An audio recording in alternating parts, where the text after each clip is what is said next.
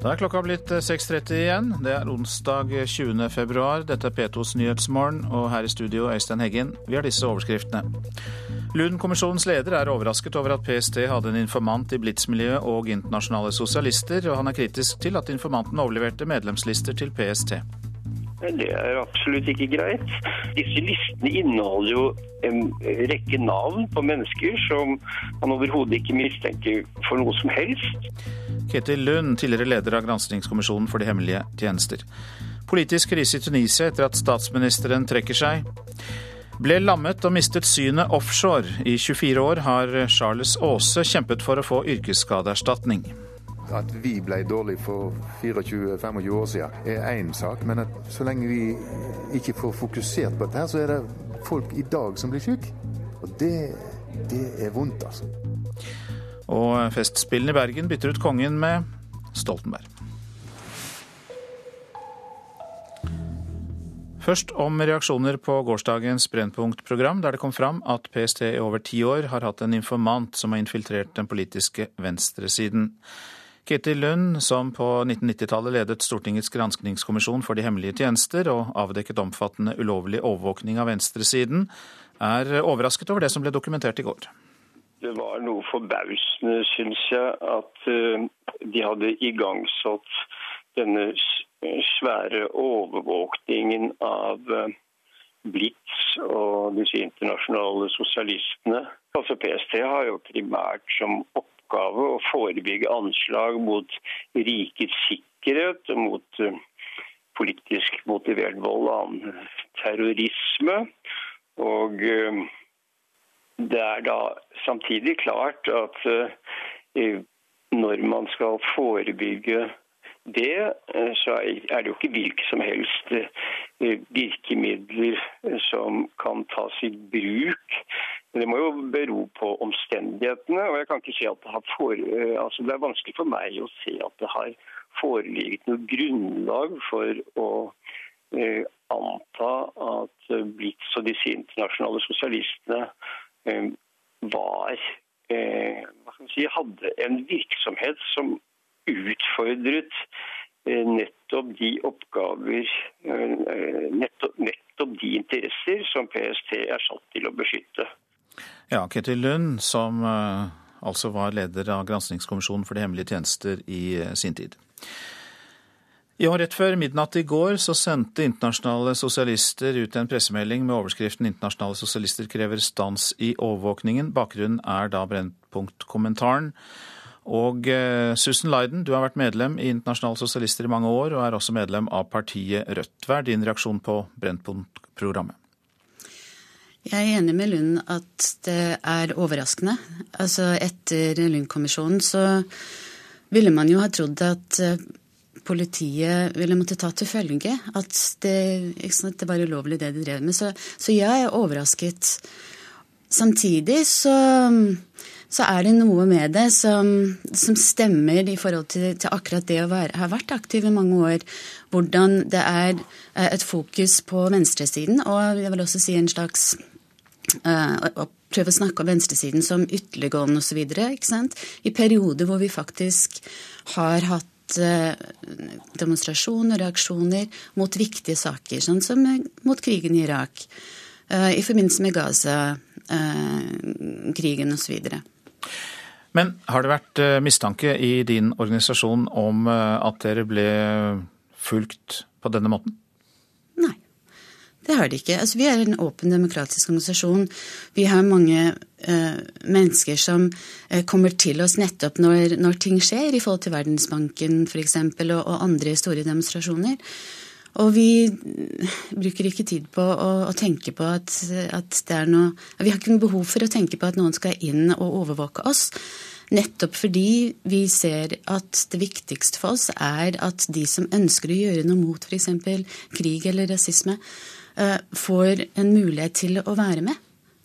Men mener du at politiet skal la være å samle inn informasjon om personer som kan bidra til, bidra til uro og sammenstøt, f.eks. Da i forbindelse med demonstrasjoner mot pengefondet og Verdensbanken?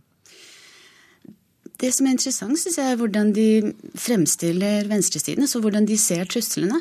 Og I programmet i går så var det bl.a. fra Göteborg, ikke sant, hvor, hvor Christian eh, sa selv at han var der med 50 000 andre.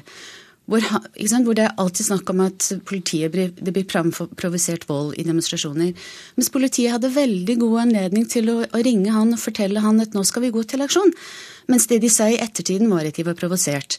Og det volden som var i, i, i København, har også senere blitt kritisert. Så her er det flere sider av saken som også kom fram i går. Men eh, du kan vel ikke utelukke at det kan være personer i f.eks. internasjonale sosialister som vil eh, bidra til eh, uro, og at politiet da legitimt burde undersøke det? Mm. Det som er helt klart, er at vi møter eh, forbud f.eks. For i forhold til hvor vi skal eh, få lov å demonstrere. Eh, hva vi får lov å Altså f.eks. i desember mot NDL så var det vanskelig. Politiet ville ikke tillate at, vi, eh, at demonstrantene nærmet seg eh, Klosterparken. Og det er klart I en sånn situasjon så, så, blir det en vurdering at vi tenker at det er viktig for våre demokratiske rettigheter at vi demonstrerer der hvor NDL er, og ikke midt i byen, som politiet ønsker. Så ja, der har du en situasjon hvor, hvor, hvor jeg og an, mange andre vil ønske å gjøre det som da blir kalt for ulovlig. Nettopp fordi vi blir satt i en posisjon hvor vi ikke får utøvd demokratiske rettigheter. Men, vi er opptatt av å få med oss masse folk. Vi er ikke opptatt av aksjoner. Og en del av det som ble sagt programmet i går, var jo like forbausende for oss, sikkert som veldig mange andre, om hva IS skal ha bedrevet. Men likevel så kan det vel da være som du sier, at eh, dere gjør ting som politiet definerer som ulovlig? Mm. Det, det er forekommer. riktig. Ja, det forekommer. Og, og, som sagt, Det var veldig interessant i går å se hvor, hva PST, hvordan de opplever venstresiden. ikke sant?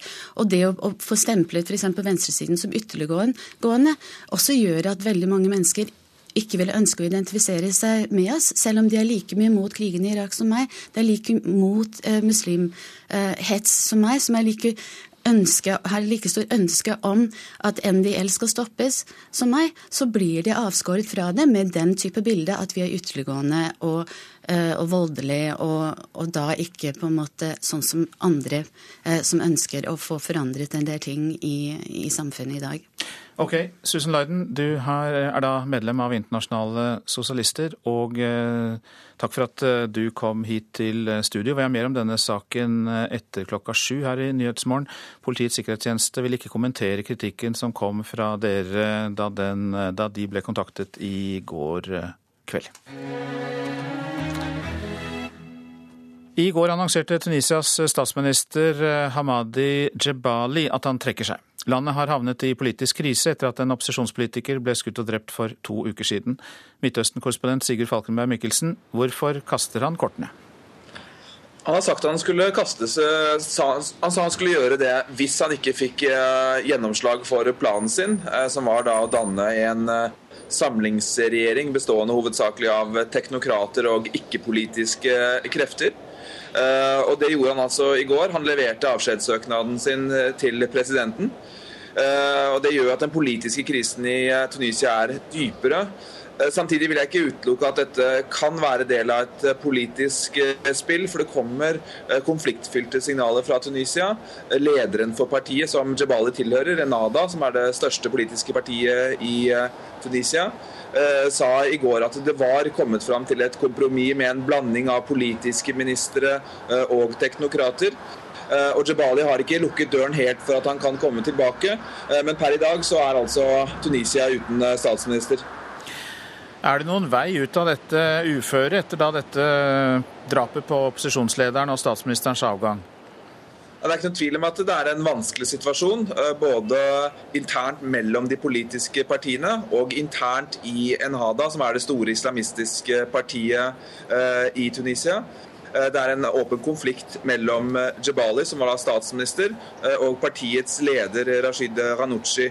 Og Det har vært store gatedemonstrasjoner mot statsministeren og mot dette forslaget om å danne en, da, en fellesregjering.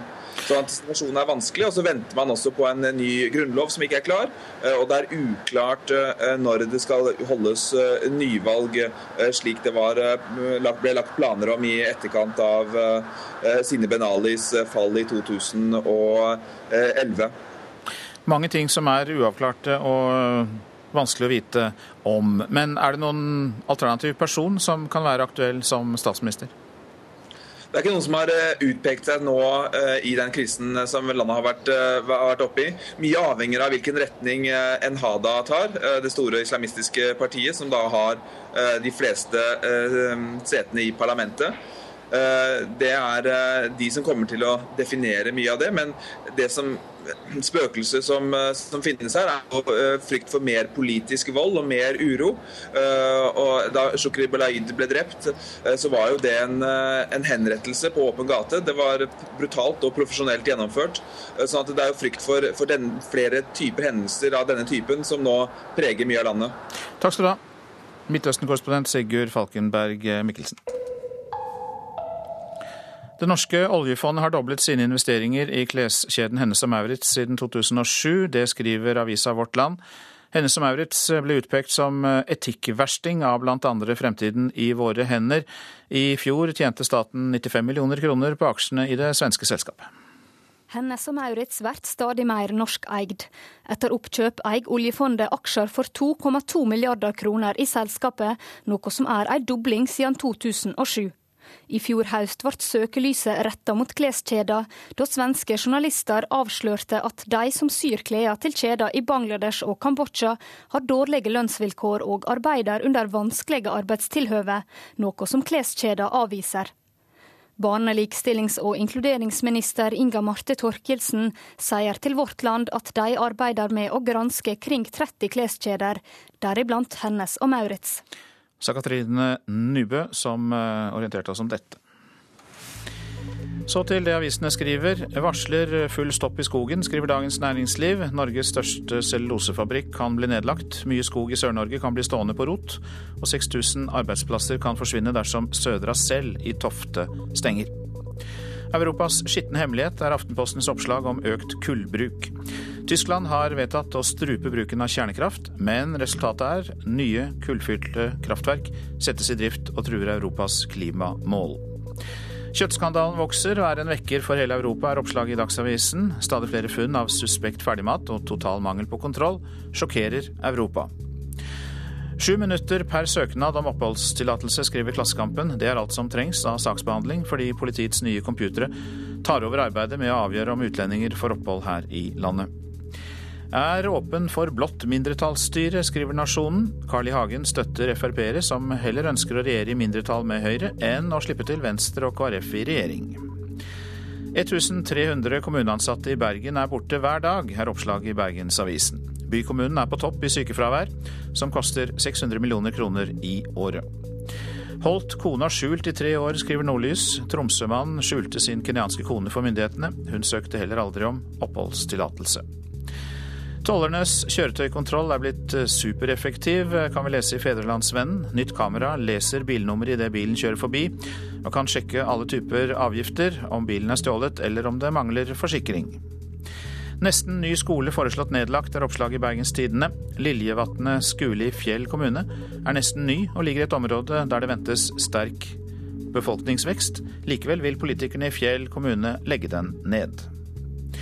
Bort, bortførte seg selv, skriver VG. Avisa forteller om en kvinne som ville ha sin bror dømt, og sørget for å få seg selv bortført, og legge skylda på han fordi de hadde kranglet om en spillegjeld. Er du svimmel, må du passe på, skriver Dagbladet, som lister opp minst sju mer eller mindre farlige årsaker til svimmelhet.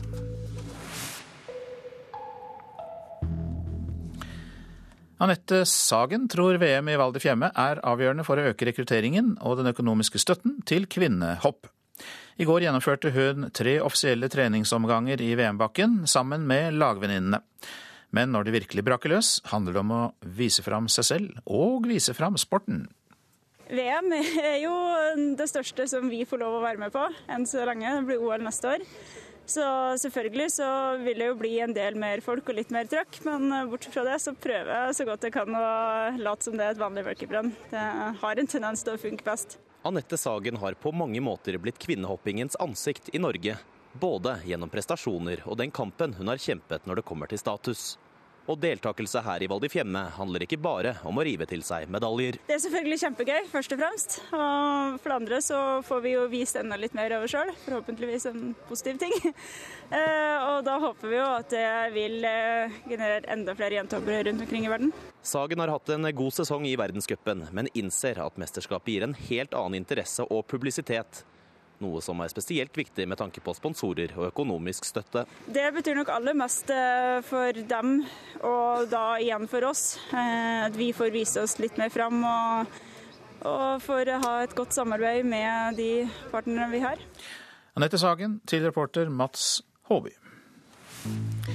Klokka den passerte nettopp kvart på sju. Dette er hovedsaker i Nyhetsmorgen. Lund-kommisjonens leder er kritisk til at PST hadde informant i Blitz-miljøet og internasjonale sosialister, og at informanten overleverte medlemslister til PST. Politisk krise i Tunisia etter at statsministeren trekker seg. Og vi skal snart høre at Mållaget vil straffe brudd på målloven. Feildiagnoser og mangel på dokumentasjon gjør at flere sliter med å få utbetalt yrkesskadeerstatning. Charles Aase mistet synet og fikk lammelser i kroppen etter en jobb offshore i 1989. Og han har siden den gang jobbet med å få erstatning. Mangel på kunnskap og dårlig innrapportering får skylden. I tillegg er skadene så vanskelig å dokumentere. Og Aase har brukt de siste 24 årene på å kjempe for erstatning, og har nesten gitt opp. Jeg mister synet på ene øyet akutt, og, og mister balansen. Det har gått over 20 år siden Charles Aase ble sendt i land fra Sattfjord. Jeg sa det til legen, jeg trodde jeg skulle dø. Så så, så han oppgitt på meg og sa ja, ja, det trodde faktisk vi i legeteamet òg, sa han. For mens han jobbet blant turbinene på plattformen, mistet han synet og kontrollen over kroppen. Etter en solid kortisondose overlevde han, men ingen visste helt hva som var grunnen til at han ble dårlig. De fant ut at det kunne ikke være hjernesvulst, det hadde de sjekka ut. Det var ikke aids, det hadde de sjekka ut. Og de sjekka ut og sjekka ut og sjekka ut. Og den siste legen sa til meg at vi har ikke noe annet å henge det på, så vi henger det på MS. Vi har ikke noe annet per dags dato. å henge det på. Men med en MS-diagnose forsvant også muligheten for yrkesskadeerstatning. For sykdommen regnes ikke som en yrkesskade juridisk. Det er ikke mange sykdommer som blir godkjent som yrkessykdommer. Det sier overlege i Arbeidstilsynet Ebba Wergeland. Og For en diagnose som MS f.eks., så er kunnskapene våre om årsakssammenhenger såpass begrenset at jeg tviler på om Nav godkjenner særlig mange av de sykdommene, selv om den det gjelder kan vise seg i framtiden å ha hatt rett Aase hadde heller ingen beviser på hvilke kjemikalier som kunne ha gjort at han mista kontrollen på kroppen, men han er sikker på at han ble syk pga. jobben. Det er jo der den største faren er, for det, det ser jo at det er flere som den dag i dag blir syk. Og det er det verste. At, at, vi ble dårlige for 24-25 år siden er én sak, men at så lenge vi ikke får fokusert på dette, så er det folk i dag som blir syke. Og det, det er vondt, altså. Ja, jeg ble jo løsemiddelskada. Det var jo senskader da, i ettertid. Einar Asbjørnsen fikk erstatning for skade på jobb offshore, men det var fordi han selv hadde god dokumentasjon etter lang tid som verneombud. Men han merker at det bare blir vanskeligere og vanskeligere å bli hørt. Den bevisbyrden, den blir jo, terskelen blir jo bare når du har kommet med bevis og sier nei, det holder ikke. det må du så må vi til med nye beviser, så terskelen blir heva for hver gang vi, vi kommer frem med, med dokumentasjon. Og det er vanskelig å komme med bevis når man jobber med ulike doser kjemikalier i flere år. Det er ikke alltid det er verdt det, forteller advokat Kjell Inge Ambjørndalen. Man må jo vurdere hvor mye tid og krefter og ressurser man skal bruke på å følge opp uh, saker. Selv om man vet at man har rett. Uh, får man en eller to eller tre leger mot seg, så har man i realiteten ingen, uh, ingen mulighet. Hva sier Statoil som din tidligere arbeidsgiver, da? Nei, de har vel ikke De avfeier det med at jeg er jo fått en diagnose, jeg er syk. Så ergo, det er ikke noe yrkesskade, så ergo har ikke de noe ansvar. Yrkesskadeerstatning den avgjøres av andre enn oss Statoil. Det sier kommunikasjonssjef Ole Anders Skauby i Statoil. Vi må forholde oss til de systemene som er etablert for det, og de vurderingene som gjøres av eksperter og av Nav og av forsikringsselskapene. Charles Aase har nesten gitt opp kampen, men han har et lite håp igjen. Så mye som det er blitt forska nå, så må jo vitenskapen ha kommet videre. og og skjønne at dette her er jobbrelatert yrkesskade. Så, så, jeg håper jo vi kommer dit i, av rettferdighetsgrunner, rett og slett. Ja. Reportasjen var laget av Inger Johanne Stenberg. Verken kong Harald, dronning Sonja eller kronprinsparet kommer til Festspillene i Bergen i år. På 60 år har kongehuset meldt avbud bare tre ganger. Og med disse ord erklærer jeg Festspillene i Bergen. Slik åpna kong Haakon de aller første festspillene i 1953. Det gledet sikkert de gode bergensere at kongen hadde bedt om å få ta en tur med svevebanen opp på Ulrikkens topp. Sa NRK-reporteren om kong Olav under festspillene i 62. Og tradisjonen tru snakket kongen pent om vestlandshovedstaden også i fjor. Fantastisk vær, da. Mye mennesker og fin stemning. Men 2013 ville føye seg inn i ei veldig kort rekke kongeløse festspill. Det var utrolig trist. Ja, for jeg vet hva det betyr for Bergen. Og, og oss bergensere. Selv om jeg ikke er bergenser, men jeg er jo 50% faktisk. Så blir det jo en fantastisk fest allikevel. Han som skal prøve å lokke deg med likevel, er ikke 50 bergenser engang. Festspilldirektør Anders Beyer er stolt av å presentere statsminister Stoltenberg, kulturminister Haja Tajik og tidligere islandsk president Vigdis Finnbogadottir som del av den storslåtte åpninga. Er det ikke flott? Jeg gleder meg veldig. Sier altså Jens Stoltenberg, som ikke vil være med på at han er et plaster på det kongelige såret. Jeg er ingen reserve for kongen. Eh, jeg er der som statsminister, eh, og så har kongen pleid å være der som konge. Det er kongen som er konge. Jeg er statsminister. Både Stoltenberg og nye kulturminister Haja Tajik. Nei, jeg er ikke, nei, det er ikke det samme som kongen. Jeg sier det sånn. Men hva med litt smiger? Det er en by med veldig mange hyggelige mennesker. Og så er det en by med veldig mange fine fjell som det er fint å gå tur i. Og så er det en by som er stolt av seg selv, og det er bra. Og vi legger til at Slottet opplyser til NRK at det dessverre ikke passet med programmet å komme til Festspillene i år. Reporter Siri Kleiven Strøm. Norsk massemønstring av kultur er tema nå. Det skjedde i Washington DC i natt norsk tid. Det anerkjente Kennedy-senteret åpnet sine dører for en nordisk kulturfestival. Og kulturminister Hatsha Tajik mener den vil være en viktig døråpner for norske kunstnere i USA. I hjertet av amerikanernes hovedstad ligger det prestisjetunge Kennedy kultursenter, oppkalt etter president John F. Kennedy. De neste fire ukene er det amerikanske kultursenteret fylt med nordisk kultur i en festival som har fått navnet Nordic Cool. Kulturminister Hadia Tajik er på plass her i Washington for å følge åpningsdagene av den nordiske kulturmassemønstringen.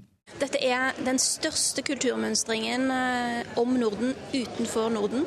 Det er kjempestas at et sted som The Kennedy Center, som har et veldig godt omdømme, har valgt å prioritere å vise fram Norden og Norge. Og det er viktig for meg at norske kunstnere òg er en del av den internasjonale scene. Og her har de én anledning til å gjøre det. Fra Norge deltar rundt 60 kunstnere og utøvere innen forskjellige kunstgrener. De norske kulturbidragene spenner fra Nationaltheatrets oppsetning av Hedda Gabler og Carte Blanche danseforestilling Korps de Våg, via Terje Isungsets ismusikkonsert og Hemsingsøstrenes fiolinspill til jazzpianisten Tord Gustavsen. Kulturminister Haja Tajik mener festivalen vil være en viktig døråpner for norske kunstnere til USA. Det er veldig mye spennende som skjer innenfor norske, norske kulturuttrykk som kan være spennende for, for, hele verden. Og Washington er jo en veldig internasjonal by, så her vil mange norske kunstnere få et ganske bredt publikum. Og det som er så spennende, er at her har man klart å finne balansen mellom det tradisjonelle norske, altså man har Hedda Gabler som blir satt opp, og det moderne norske, med bl.a. Allan Øyen sin danseforestilling og Terje Isungset som spiller veldig spennende musikk. Det gir et mangefasettert bilde av Norge. Norsk teater, musikk, film, dans, litteratur og matkunst vil de neste ukene friste amerikanere til nye kulturopplevelser. Den nordiske kulturfestivalen har allerede fått bred omtale i Washington Post. På det anerkjente Kennedy-senteret har også Snøhetta laget en egen installasjon av finerplater til festivalen Nordic Cool.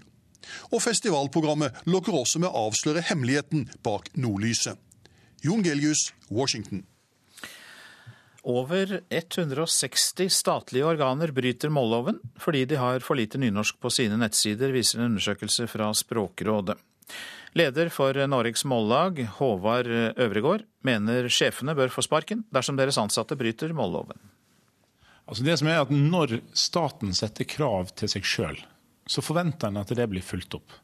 Her er det altså offentlig ansatte som ikke gjør jobben sin. Sier leder i Norges Mållag, Håvard Øvregård. En rapport fra Språkrådet syner at det i gjennomsnitt er litt over 11% nynorsk på statlige nettsider, noe som er langt under minstekravet i mållova om 25 av den ene målforma. Øvregård mener at brudd på lova bør få konsekvenser. Nei, det som jeg ser på som det mest uh, naturlige, det som tror vi fungerer best, er at sjefer som ikke leverer, de må finne seg en ny jobb. For det er den øverste lederen for hvert enkelt statsorgan som har ansvaret for at mållova blir respektert. At vi begge har truffet et menneske som bryr seg. Som kan trøste den andre. Som kan bysse den andre i søvn. Neste uke har Riksteatret en premiere på Tvillingsjeler, en oppsetning der skuespillerne ikke snakker nynorsk.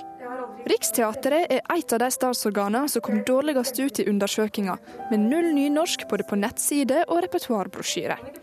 Teatersjef for Riksteatret, Ellen Horn, er ikke nøyd med resultatet, men forteller at det nå blir satt i gang tiltak for å få opp prosenten. Det blir eh, mange, mange forestillinger som kommer eh, på nynorsk, og da kommer vi til å lage alt skriftlig materiell knytta til de forestillingene på nynorsk. I fjor hadde vi også årsmeldingen på nynorsk. Så vi prøver å, å få til mer. Vi er ikke fornøyd med nynorskprosenten på nett hos oss. Men så tenkte vi at nå kan vi like godt vente til de nye sidene kommer opp og stå nå i løpet av våren, og at vi der kommer til å også få en større nynorskprosent. Brudd på mållova stiller ikke noe krav til sanksjoner. Det at Ellen Horn har valgt å gjøre noe med den dårlige nynorskprosenten, er derfor ikke selvsagt. I 2007 kom regjeringa med et forslag om å ta i bruk sanksjoner av mer negativ karakter overfor statsorgan som ikke følger målbruksreglene. I dag, seks år etter, er fortsatt ingen sanksjoner å se. Ja, det er en vanskelig balansegang å drive sanksjoner. Sier statssekretær i Kulturdepartementet Kjersti Stenseng. Hun mener at mållova ikke har vært uten verdi, samtidig som hun ser behovet for fornying.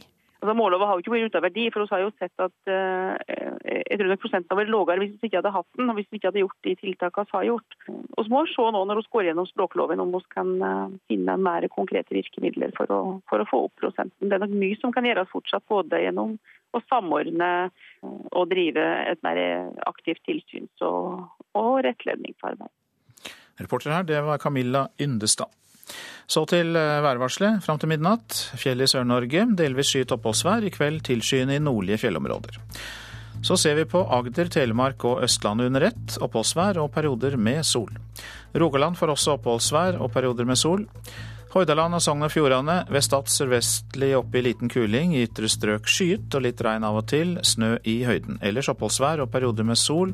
Det er utrygt for lokal tåke. Møre og Romsdal i ytre strøk skyet og utrygt for litt regn eller sludd. Ellers oppholdsvær og perioder med sol. Trøndelag dreining til sørvest, periodevis liten kuling på kysten. Etter hvert litt snø eller sludd. Litt regn på kysten av Trøndelag. Helgeland og Saltfjellet pent vær i dag. I ettermiddag dreining til sørvestlig liten og kan hende stiv kuling. Det blir også da litt snø, på kysten regn. Salten, Ofoten, Lofoten, Vesterålen og Troms. Sørvestlig stiv kuling utsatte steder og eh, oppholdsvær. Fra i ettermiddag sørvestlig sterk kuling på kysten av Troms. Det kan bli liten storm i nord. Etter hvert litt snø, seinere regn på kysten. Så var det kyst- og fjordstrøkene i Finnmark. Sørvestlig periodevis stiv kuling på kysten. I ettermiddag øking til sørvestlig liten storm utsatte steder. Og det er eh, meldt om periodevis full storm på kysten og litt snø. Finnmarksvidda får oppholdsvær. Seint i kveld kan det bli litt snø i nord. Fra i ettermiddag liten kuling, og i nord periodevis stiv kuling. Nordensjøland på Spitsbergen. Østlig stiv kuling utsatte steder. Litt snø. I kveld blir det oppholdsvær. Så tar vi med oss temperaturer målt klokka fire i natt. Svalbard lufthavn minus 14. Kirkenes minus 6. Vardø, Vardø 0. Alta minus åtte, Tromsø-Langnes minus fire. Det samme hadde Bodø minus fire, Brønnøysund minus én grad. Trondheim-Værnes minus ti, Molde minus én, Bergen-Flesland null grader. Stavanger minus to, Kristiansand-Kjevik minus seks, Gardermoen minus sju. Så var det Lillehammer minus 10, Røros var nede i minus 19 grader, og Oslo-Blindern hadde minus 6 grader. da klokka var fire i natt.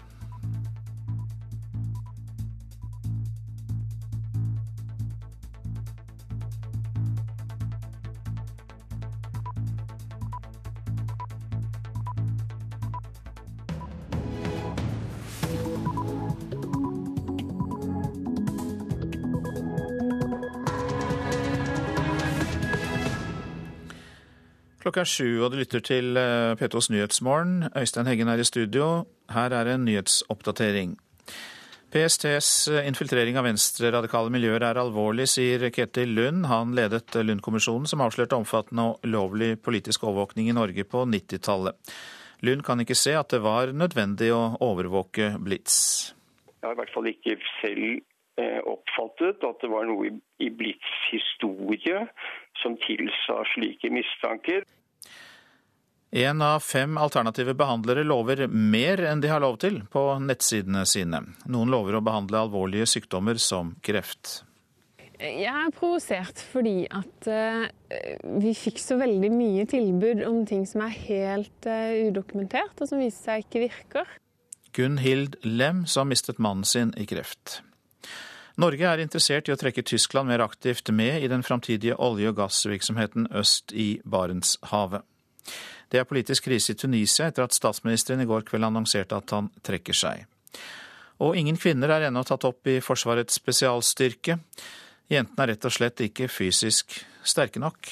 Men det er en gang sånn at eh, det utstyret du skal reise ut med på oppdrag, eh, kan fort veie oppi 80-90 kilo. Og Det er en sånn fysisk eh, barriere på, på hvor mye man klarer å bære.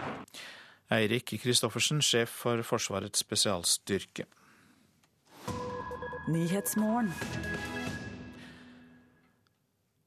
PSTs infiltrering av enkelte venstreradikale miljøer i Norge er alvorlig. Det sier Ketil Lund, som var leder av Lund-kommisjonen, som på 90-tallet avslørte omfattende og ulovlig politisk overvåkning i Norge. Lund har problemer med å forstå at Blitz og internasjonale sosialister, at det de driver med, skal overvåkes av Politiets sikkerhetstjeneste. Jeg mener at det er alvorlig hvis man ikke har hatt gode grunner for å anta at det her skjulte seg elementer med en helt annen agenda enn den disse organisasjonene jo er kjent for å ha. Han var stadig å se i de aller fremste rekkene i ulike demonstrasjoner sammen med steinkastene og maskerte demonstranter. NRK Brennpunkt fortalte i går historien om PST-informanten Christian Høibø, som fora sikkerhetspolitiet med informasjon i en tiårsperiode fra tidlig på 2000-tallet. Informasjonen dreide seg om alt fra kommende demonstrasjoner til medlemslister fra miljøene rundt bl.a. Blitz og internasjonale sosialister. Medlem i sistnevnte organisasjon, Vegard Velle, føler PST har gått langt over streken. Jeg føler at det er eh, skittent. Vi som har vært overvåka, vi føler eh, at eh, de ikke har hatt retten på sin side, at de har gått over streken. Det vi konkluderer med, er at de egentlig prøvde å overvåke og infiltrere en mye større og folkelig sosial bevegelse. Og det syns vi er, er, er noe som vi egentlig i dag ikke bør akseptere. Ketil Lund ledet kommisjonen som på 90-tallet avdekket omfattende ulovlig overvåking av politisk virksomhet, særlig på venstresiden i Norge. Han har problemer med å se at det er innenfor PST sin oppgave å infiltrere disse miljøene nå. Det er vanskelig for meg å se at det har foreligget noe grunnlag for å eh, anta at Blitz og disse internasjonale sosialistene eh, var eh, si, hadde en virksomhet som utfordret eh, nettopp de oppgaver, eh, nettopp, nettopp, de interesser som PST er satt til å beskytte. Men er det ikke grunn for eh, PST å, å holde oversikt over alle typer miljøer hvor det kan være enkeltpersoner eller, eller grupper som kan planlegge og utføre voldshandlinger, f.eks.? Altså, man må jo ha et grunnlag for å mistenke at eh, det innenfor Blitz-miljøet fantes elementer eh, som nettopp eh, kunne tenkes å forberede og begå så alvorlig kriminalitet som, som PST er satt til å beskytte oss mot. Jeg har i hvert fall ikke selv oppfattet at det var noe i Blitz historie som tilsa slike mistanker. Justispolitisk talsmann i Arbeiderpartiet og nestleder i justiskomiteen Jan Bøhler sier det er naturlig at Stortingets kontrollorgan for hemmelige tjenester, EOS-utvalget, nå ser på saken. Ja, jeg håper jo det. Det er jo Stortingets organ i forhold til å følge med på at PST følger lover og regler. og, og det vil jo være naturlig at de eh, får en rapport om dette når det er såpass mye oppmerksomhet og såpass eh, alvorlige påstander som eh, settes fram om, om at regler kan være brutt. Reportere her det var Ellen Borge Christoffersen, Marit Gjelland og Katrin Hellesnes. Og PST ville ikke kommentere saken ytterligere i går kveld. God morgen, Kjetil Stormark. Du er forfatter og journalist, og etterretning og PST er et av dine spesialfelt. Hva mener du om PSTs arbeidsmetoder som vi ble kjent med i Brennpunkt? Det er, viktig, det er viktig at man ikke mister hodet helt her, og for sånn å minne om at PST har en oppgave i å følge med de pålagte, følge med på politiske miljøer som har en vilje til bruk av vold i, i politisk sammenheng. Eh, når det er sagt, så tror jeg nok det kritiske punktet i denne saken er knyttet til dette Ketil Lund påpeker spesielt, altså disse medlemslistene i internasjonale sosialister som er hentet inn. Eh, spørsmålet er hvordan dette da er behandlet i PST videre hvis dette hadde blitt gjenstand for en registrering eh, i PST, eh, utover at man har fått tilgang til disse opplysningene, så vil det kunne være et overtramp i forhold til det som har med politisk overvåking å gjøre, og at det går utover det hjemmelsgrunnlaget som PST må ha for å føre disse opplysningene inn i sine registre. Men eh, det er òg et punkt her som det kan være viktig å minne om, at denne informanten har ikke nødvendigvis vært 100 styrt av PST. Det er opplysninger overfor andre kilder som tyder på at dette har vært en person som har tatt seg ganske store eh, friheter og, og, og, tatt initiativ i mange ulike sammenhenger. Eh, til dels så ifølge det anerkjente tidsskriftet Vepsen, som følger høyreekstreme miljøer, så var PST mot at han gikk inn i det høyreekstreme miljøet, som fra et politifaglig ståsted er naturlig. Fordi at den, Hvis du da infiltrerer én en yttergruppe på venstrefløy, så er det bortimot galskap sikkerhetsmessig, og da forsøker det på det samme på den andre fløyen, gitt at uh, Blitz følger ganske mye med på hva de høyreekstreme gjør. Og mm, her er det en god del opplysninger som vi fortsatt ikke sitter med for å kunne gjøre en riktig bedømning av saken, slik jeg opplever det. Jeg hører deg slik som at du unnskylder PST litt fordi denne informanten nærmest var et, eh, en litt eh, ja, løs kanon på dekk? Jeg påpeker bare at vi sitter ikke med hele bildet ennå. Eh, PST har et ansvar i å ha ført vedkommende som en kilde i så lang tid. Det er oppsiktsvekkende at de har hatt en kilderelasjon til Kristian Høibø i så mange år som det de har. Og de må bære et ansvar for det han har gjort, og det han har rapportert videre om. Så PST må eh, sannsynligvis eh, forberede seg på å forklare seg både for Justisdepartementet og for EOS-utvalget i forhold til denne saken. Det er relativt eh, sannsynlig at eh, de allerede sitter og skriver på forklaringene sine eh, i, i Nydalen. Ja, så Her ligger det en granskning i kortene, men på samme nivå som Lund-kommisjonen? Nei, det, det, har ikke jeg noe tro på politisk sett. Det er ikke klima for det nå. Men uh, denne saken har et potensial til å uh, skape uh, kanskje noe repriseøvelser fra det som var på 90-tallet rundt denne Lund-kommisjonen. Men det vil neppe bli nedsatt en parlamentarisk granskingskommisjon, slik tilfellet var med, med Lund-kommisjonen den gang. Men det som òg er viktig i denne saken, er at vi pga. historikken ikke lar oss eh, at vi ikke mister hodet, og, og, i forhold til at det er en god del anarkistiske miljøer som har vært ganske ytterliggående i voldsbruk i forhold til demonstrasjoner, og som har hatt planer om å bruke ganske ekstreme metoder. Og et stykke på vei så vil jeg faktisk si at dette er, er rettferdiggjort i forhold til de instruksene som PST har, og følge med på deler av disse miljøene. Men du, så er det dette med balansen da, og et ensidig fokus. Oppfatter du at PST har en eh, korrekt balanse mellom å overvåke høyre og venstresiden? Det er også vanskelig å lese ut fra denne saken, fordi at politifaglig sett så ville det være unaturlig eh, å bruke den samme informanten til å infiltrere eh, det høyreekstreme miljøet når du har vært eh, eksponert så mange år i det venstreradikale miljøet. Ja, Så denne saken sier for lite om det?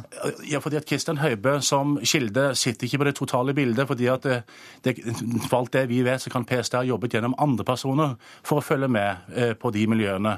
Og ifølge Vepsen, som jeg har ikke selvstendig grunnlag for å vurdere det, men de hevder jo at PST var mot at denne informanten gikk inn i det høyreekstreme miljøet.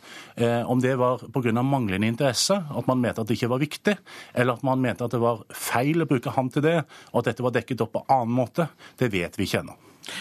Det er sjelden vi hører eh, informanter stå fram på eh, denne måten.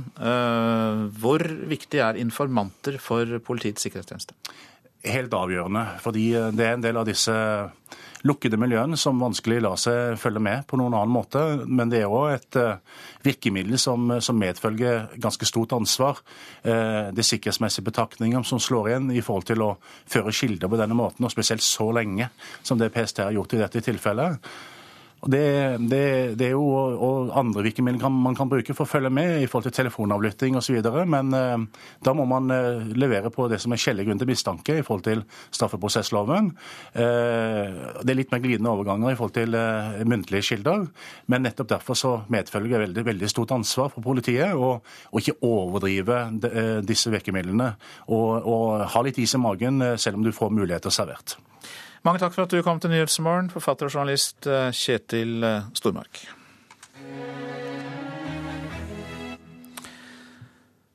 Flere aktører som tilbyr alternativ behandling driver med ulovlig markedsføring. Det slår Forbrukerombudet og Helsetilsynet fast etter å ha undersøkt over 100 nettsider. Og du er her, forbrukerombud Gry Nergård. Hva slags ulovlig markedsføring er det snakk om? Ja, Det vi har sett eh, av ulovlig markedsføring, går jo på alternative behandlere som sier i reklamen sin at de kan behandle ulike former for sykdom. Og Det får de ikke lov til. Og Årsaken til det er jo at det per i dag ikke finnes noe vitenskapelig dokumentasjon for at den type alternativ behandling virker. Hvor mange bruker alternativ behandling, vet vi noe om det? Ja, Det er litt vanskelig å telle, for det er utrolig mange forskjellige alternative behandlingsformer. og Vanskelig å spørre folk om det. Men man antar at en mellom 20 og 25% av Norges befolkning har benytta alternativ behandling. Så det er ganske mange. Er det mange av de som klager inn til dere? Nei, det er veldig få som gjør det. Så Flesteparten av de sakene som vi tar opp, tar vi av eget tiltak. Sjekker litt rundt og ser hva som finnes. Vi skal eh, høre litt eh, mer om dette nå, fordi en av fem alternative behandlere lover mer enn de eh, har lov til på nettsidene. Det er da avslørt av Forbrukerombudet og Helsetilsynet. Og det gjelder bl.a. kreft, skal vi høre om nå. For så starta det hele etter at Steinar hadde gått ut med at han var syk, at han var terminal, at han kom til å dø. Hun mangler én. For fire år siden mista Gunhild Lem mannen Steinar i kreft. Den siste tida han levde, ble de kontakta av mange alternative behandlere. Noen ville hjelpe. Andre var mer, som jeg ser det da, kyniske. Altså det kom fra tilbydere som tjener penger på eh, produkter som da ikke er dokumentert, og som på en måte vil eh, tjene på den ulykken som vi har havna i. De prøvde ulike behandlinger, i håp om at Steinar kanskje kunne bli bedre. Jeg er provosert fordi at uh, vi fikk så veldig mye tilbud om ting som er helt uh, udokumentert, og som viser seg ikke virker. En av fem alternative behandlere lover mer enn de har lov til på nettsidene sine. Det kommer fram etter at Helsetilsynet og Forbrukerombudet har sjekka over 100 nettsider. Flere lover at de kan behandle alvorlige sykdommer som t.d. kreft. Noen hevder også at behandlingsoppleggene sykehusene har, ikke har effekt. Pasientsikkerheten er det vi er opptatt av. Og det er klart at Vi er bekymra for at det skal gis behandlinger som ikke er i tråd med pasientens beste og pasientens pasientens sikkerhet. Sier Anne Myhr, fagsjef i Statens helsetilsyn. Hun forteller at de har sett alternative behandlinger som har vært farlige for pasienten. Nei, vi har jo hatt eksempler som f.eks. Eh, der det har blitt eh, brukt akupunktur, det som har ført til punktering av lunge.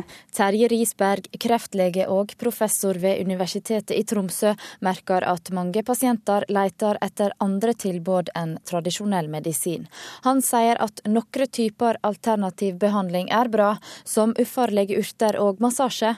Men så har man da andre, andre eh, metoder som både kan være svært dyre og, og belastende. Til dels farlige og skadelige. Og noe av det er jo forbudt. Og det handler ikke bare om at det er dårlig for sykdommen, men det handler om at vi er opptatt av at mennesker skal leve sine siste dager, sine siste uker, måneder på en ordentlig måte.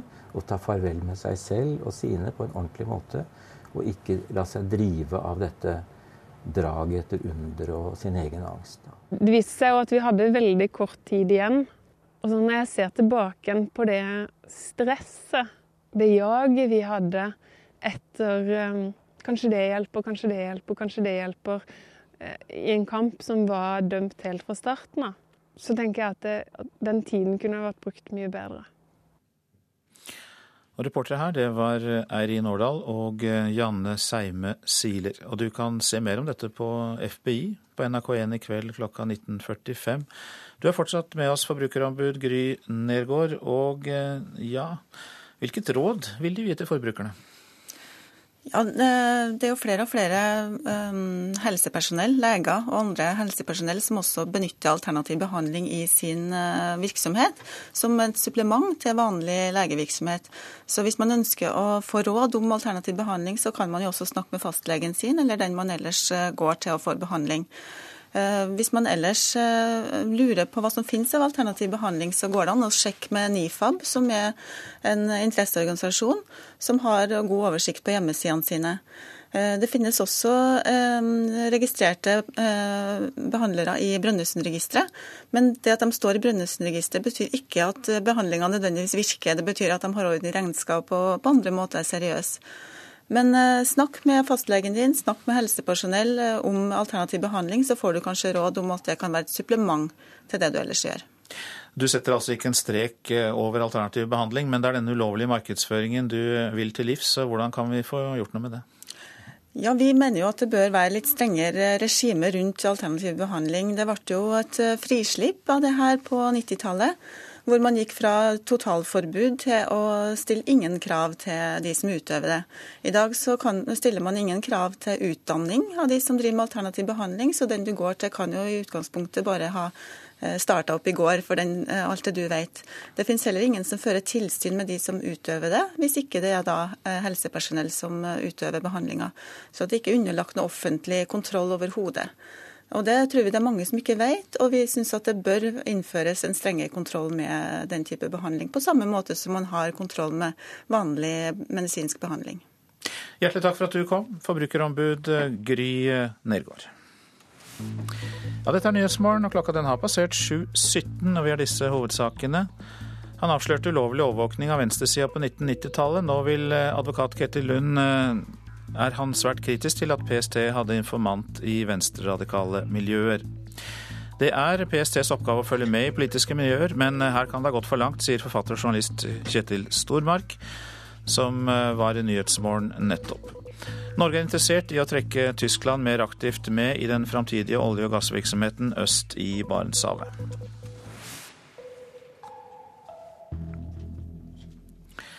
Norge er interessert i å trekke Tyskland mer aktivt med i den framtidige olje- og gassvirksomheten øst i Barentshavet. I dag kommer Tysklands forbundskansler Angela Merkel på lynvisitt til Oslo. Og nettopp energi og utvikling av ressurser på havbunnen i nord blir et av de viktigste temaene. Krieg ist, wenn die Väter die Söhne beerdigen müssen. Und Frieden ist, wenn die Söhne die En lyrisk og humørfylt Angela Merkel var det som var på besøk i Oslo i forbindelse med utdelingen av Nobels fredspris til EU. Vel to måneder senere kom den tyske forbundskansleren i ettermiddag tilbake til Norge for samtaler med statsminister Jens Stoltenberg og med energi øverst på dagsordenen. Tyskland er i ferd med å gjennomføre en energirevolusjon. Atomkraften skal bort innen ti år. Fornybar energi som vindkraft bygges ut i rekordtempo, samtidig som landet ønsker et samarbeid med Norge om midlertidig lagring av energi i vannmagasiner, i perioder der Tyskland har overskudd på strøm. Men det kanskje mest interessante i de tysk-norske energirelasjonene akkurat nå er knyttet til nordområdene. Norske Statoil og den tyske energigiganten Wintershall er i samtale foran mulig leiteboring i Barentshavet sørøst, i områdene opp til den nye grenselinjen mellom Norge og Russland. Og fra norsk side er det svært naturlig og viktig å trekke tyske interesser nettopp med i dette området, sier seniorforsker Arild Moe ved Fridtjof Nansen institutt. Vel, For norske myndigheter så er det jo spørsmål hva man gjør den dagen man gjør et funn som krysser den nye grenselinjen. Det er jo ganske sannsynlig? Det er eh, ganske sannsynlig. Og i delelinjeavtalen så er det jo tatt høyde for dette ved at man har i prinsippet da eh, avtalt at man skal inngå en såkalt unitiseringsavtale. Det betyr at ressursen deles da proporsjonalt i forhold til hvordan den ligger på hver sin side av grensen. Men hvordan dette skal gjøres i praksis, er nok noe som man vil måtte forhandle seg frem til når den tid måtte komme. Og Da kan det hende at man kanskje har forskjellige syn på hvordan man skal løse et konkret utbyggingsprosjekt på norsk og russisk side. Og Det er her man fra norsk side gjerne ønsker å ha en stormakt som Tyskland i ryggen mot Russland? Jeg tror det er en, er en riktig observasjon. Eh, fordi La oss si at det skulle dreie seg om et veldig stort felt. Så vil det ha store implikasjoner hvordan man faktisk bygger ut feltet. Både for økonomien og for transportløsninger og salg av det som måtte være i feltet. Så en, en, en ren norsk aktør vil kanskje være litt eh, svak i forhold til den tunge sitsen på russisk side.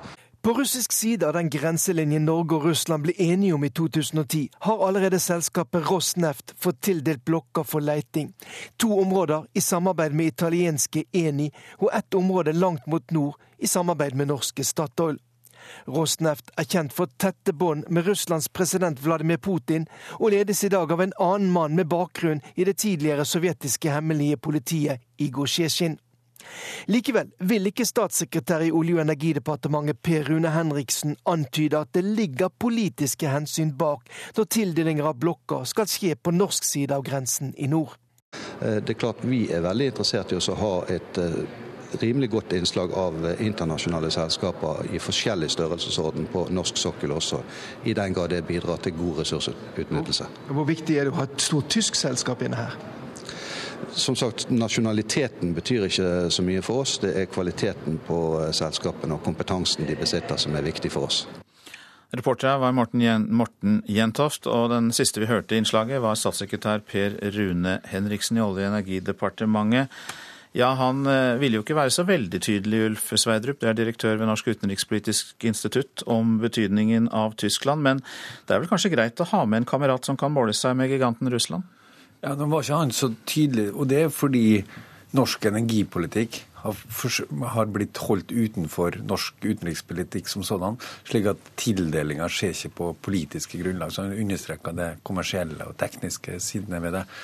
Eh, for øvrig eh, så er jo Tyskland og Norge veldig tett sammen. Eh, har et tett energisamarbeid og tett økonomisk samarbeid generelt. Så det her vil jo tolke jeg som en slags forlengelse av et allerede godt og, og viktig eh, samarbeid. Men, men, ligger det en trygghet i det også for Norge? Ja, I forhold til Russland? Ja, Det er jo litt vanskelig å spekulere i. Jeg tror Norge har et ganske godt forhold til, til Russland allerede. Så, men eh, du kan si i hele den norske nordområdepolitikken har det vært en langsiktig interesse fra norsk side å prøve å bringe inn andre vesteuropeiske partnere og øke oppmerksomheten mot eh, nordområder fra de. Så, sånn sett så føyer det seg her seg inn i det bildet. Og Hva er den politiske gevinsten ved å gjøre nettopp det? Redusere usikkerhet i forhold til Russland, selvsagt. Men ikke bare politisk usikkerhet, men det å eh, øke den tryggheten eh, for økonomiske operatører der oppe òg. Du, eh, du, skrev i en artikkel i går i Dagens Næringsliv at Norge og Tyskland har et så godt forhold at det er bare nødvendig med et kort besøk av Angela Merkel i dag. Ja, det var Kjetil Widesvang som skrev. Jeg skrev ikke det. Ja, det, var, men, nei, nei, okay. det, var, det var den artikkelen som sto ved siden av, men likevel. Men det er riktig poenget. altså, at, at, ja, at, Norge og Tyskland har veldig tett samarbeid. og det har bare blitt tettere og tettere. Og nesten uten at vi vet det, så er Tyskland blitt det viktigste både økonomiske partneren og politiske partner til Norge. Og Norge leverer Nesten, og, og, og, og, Norge er veldig viktig for Tyskland. Uh, nest viktigste energileverandøren til Tyskland. Og i tillegg så er Norge med orden i bøkene og stor investor i Europa gjennom pensjonsfondet, så er det et land som er viktig for Tyskland. Hvordan tror du at eh, denne kontakten med Tyskland kommer til å utvikle seg for Norges del? Uh, nei, Det er all mulig grunn til å tro at den kommer til å fortsette. Tyskland altså Det er ikke bare økonomi og energipolitikk, men i generelt i utenrikspolitikk, i internasjonale spørsmål, i FN, så er kan si, Norge og Tyskland i økende grad likesinna. Så det er vår nærmeste allierte. Og klart at Tyskland sin rolle i Europa er i ferd med å endre seg. Tyskland blir mer og mer, om de vil det selv eller ikke, de blir lederen i Europa. Eurokrisa har gjort det tydeliggjort tysk lederskap. Og klart at da er det viktig for Norge å ha et godt forhold til den ledende staten i Europa. Mange takk for at du kom, Ulf Sveidrup, som er direktør ved Norsk eh, utenrikspolitisk institutt. Forsvaret har enorm pågang av ungdom som vil inn på fallskjermjegerskolen og gjøre tjeneste i spesialstyrkene i Rena leir. Men blant dem som kommer gjennom nåløyet, finnes det ikke en eneste jente. Eh, en av grunnene til at det ikke er jenter som har kommet gjennom opptak, det er at eh, de fysiske kravene som er satt, er ganske harde. Eirik Kristoffersen, sjef for Forsvarets spesialstyrker i Rena leir, har bare unge menn rundt seg. De pakker utstyr til en tøff øvelse.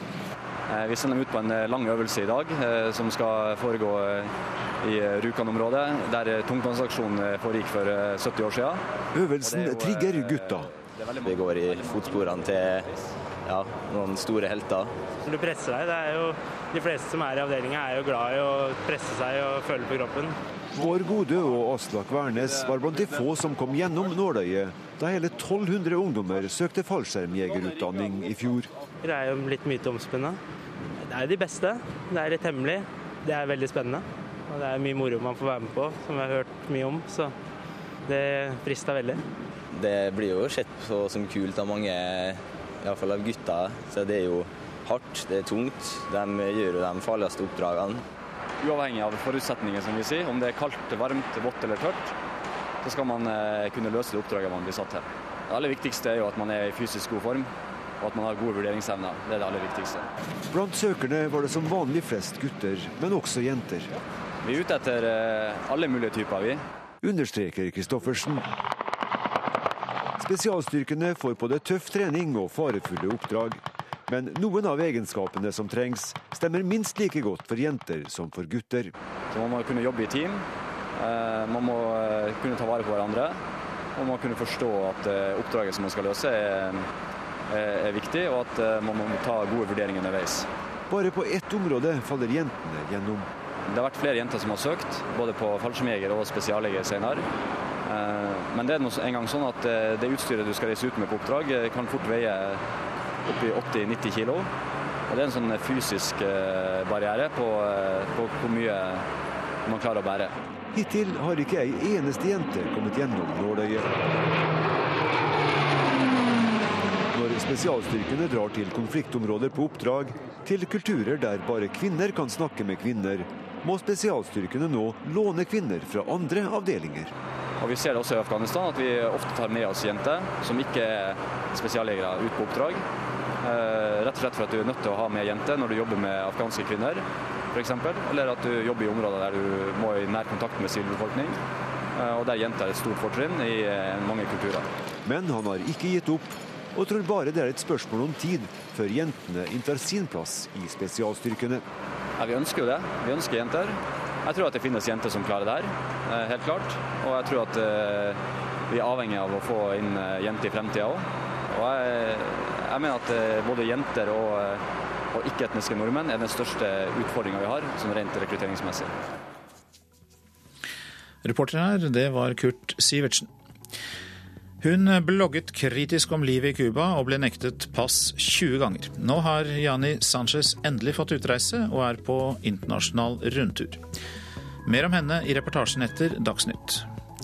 Så blir det debatt i Politisk kvarter mellom Frp og partiet Rødt om politisk overvåkning. Ja, du lytter til Nyhetsmorgen på NRK P2. Produsent i dag Marit Selmer Nedrelid. Her i studio Øystein Heggen. Og jeg minner om at du kan laste ned Nyhetsmorgen som podkast hvis du har lyst til å høre noe om igjen, eller du ikke får tid til å høre sendingen, så er det fullt mulig. Hvis du går inn på nrk.no, så kan du sjekke ut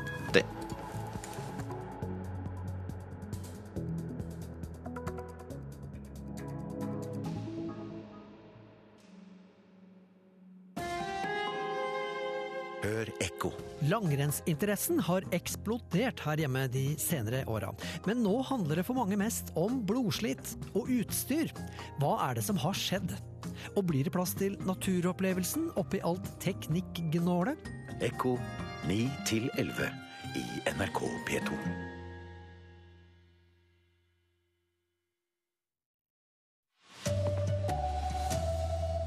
PST får massiv kritikk for overvåking av venstreradikale miljøer. Alternative behandlere lover mer enn de har lov til på nettsidene sine. Enkelte hevder de kan behandle kreft. Therese Johaug har lært av nedturen i Tour de Ski, skal ikke gå i samme fella i ski-VM. Her er NRK Dagsnytt klokka 7.30. PSTs infiltrering av enkelte venstreradikale miljøer i Norge er alvorlig. Det sier Ketil Lund, leder av Lund-kommisjonen, som på 1990-tallet avslørte storstilt og ulovlig politisk overvåking i Norge.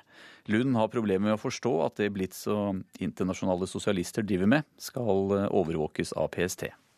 Jeg mener at det er alvorlig hvis man ikke har hatt gode grunner for å anta at det her skjulte seg elementer med en helt annen agenda enn den disse organisasjonene jo er kjent for å ha.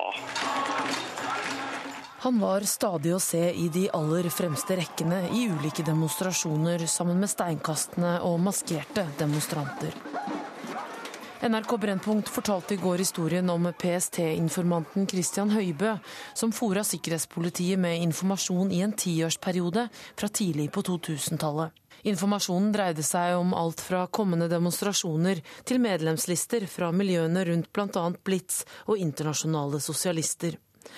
Medlem i sistnevnte organisasjon, Vegard Velle, føler PST har gått langt over streken. Jeg føler at det er skittent. Vi som har vært overvåka vi føler at de ikke har hatt retten på sin side, at de har gått over streken. Ketil Lund ledet kommisjonen som på 90-tallet avdekket omfattende ulovlig overvåking av politisk virksomhet, særlig på venstresiden i Norge. Han har problemer med å se at det er innenfor PST sin oppgave å infiltrere disse miljøene nå. De henga seg til ordensforstyrrelser, en del av disse blitzerne fra tid til annen. Men noe utover det kan jeg ikke se at det er ikke innlysende for meg at det var andre ting som tilsa at man skulle mistenke dem for å forberede såpass alvorlig kriminalitet som det her er snakk om. Justispolitisk talsmann i Arbeiderpartiet og nestleder i justiskomiteen Jan Bøhler sier det er naturlig at Stortingets kontrollorgan for hemmelige tjenester, EOS-utvalget, nå ser på saken. Ja, jeg håper jo det. Det er jo Stortingets organ i forhold til å følge med på at PST følger lover og regler. og, og det vil jo være naturlig at de får en rapport om dette når det er såpass mye oppmerksomhet og såpass alvorlige påstander som settes fram om, om at regler kan være brutt.